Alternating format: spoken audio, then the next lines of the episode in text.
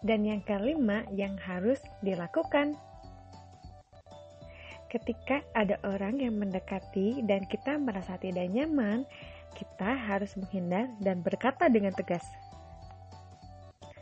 "Jangan sentuh aku! Jangan pegang-pegang! Aku tidak mau!" Jika orang itu masih memaksa, kita harus berlari dan berteriak, Jangan! Tidak! Tolong!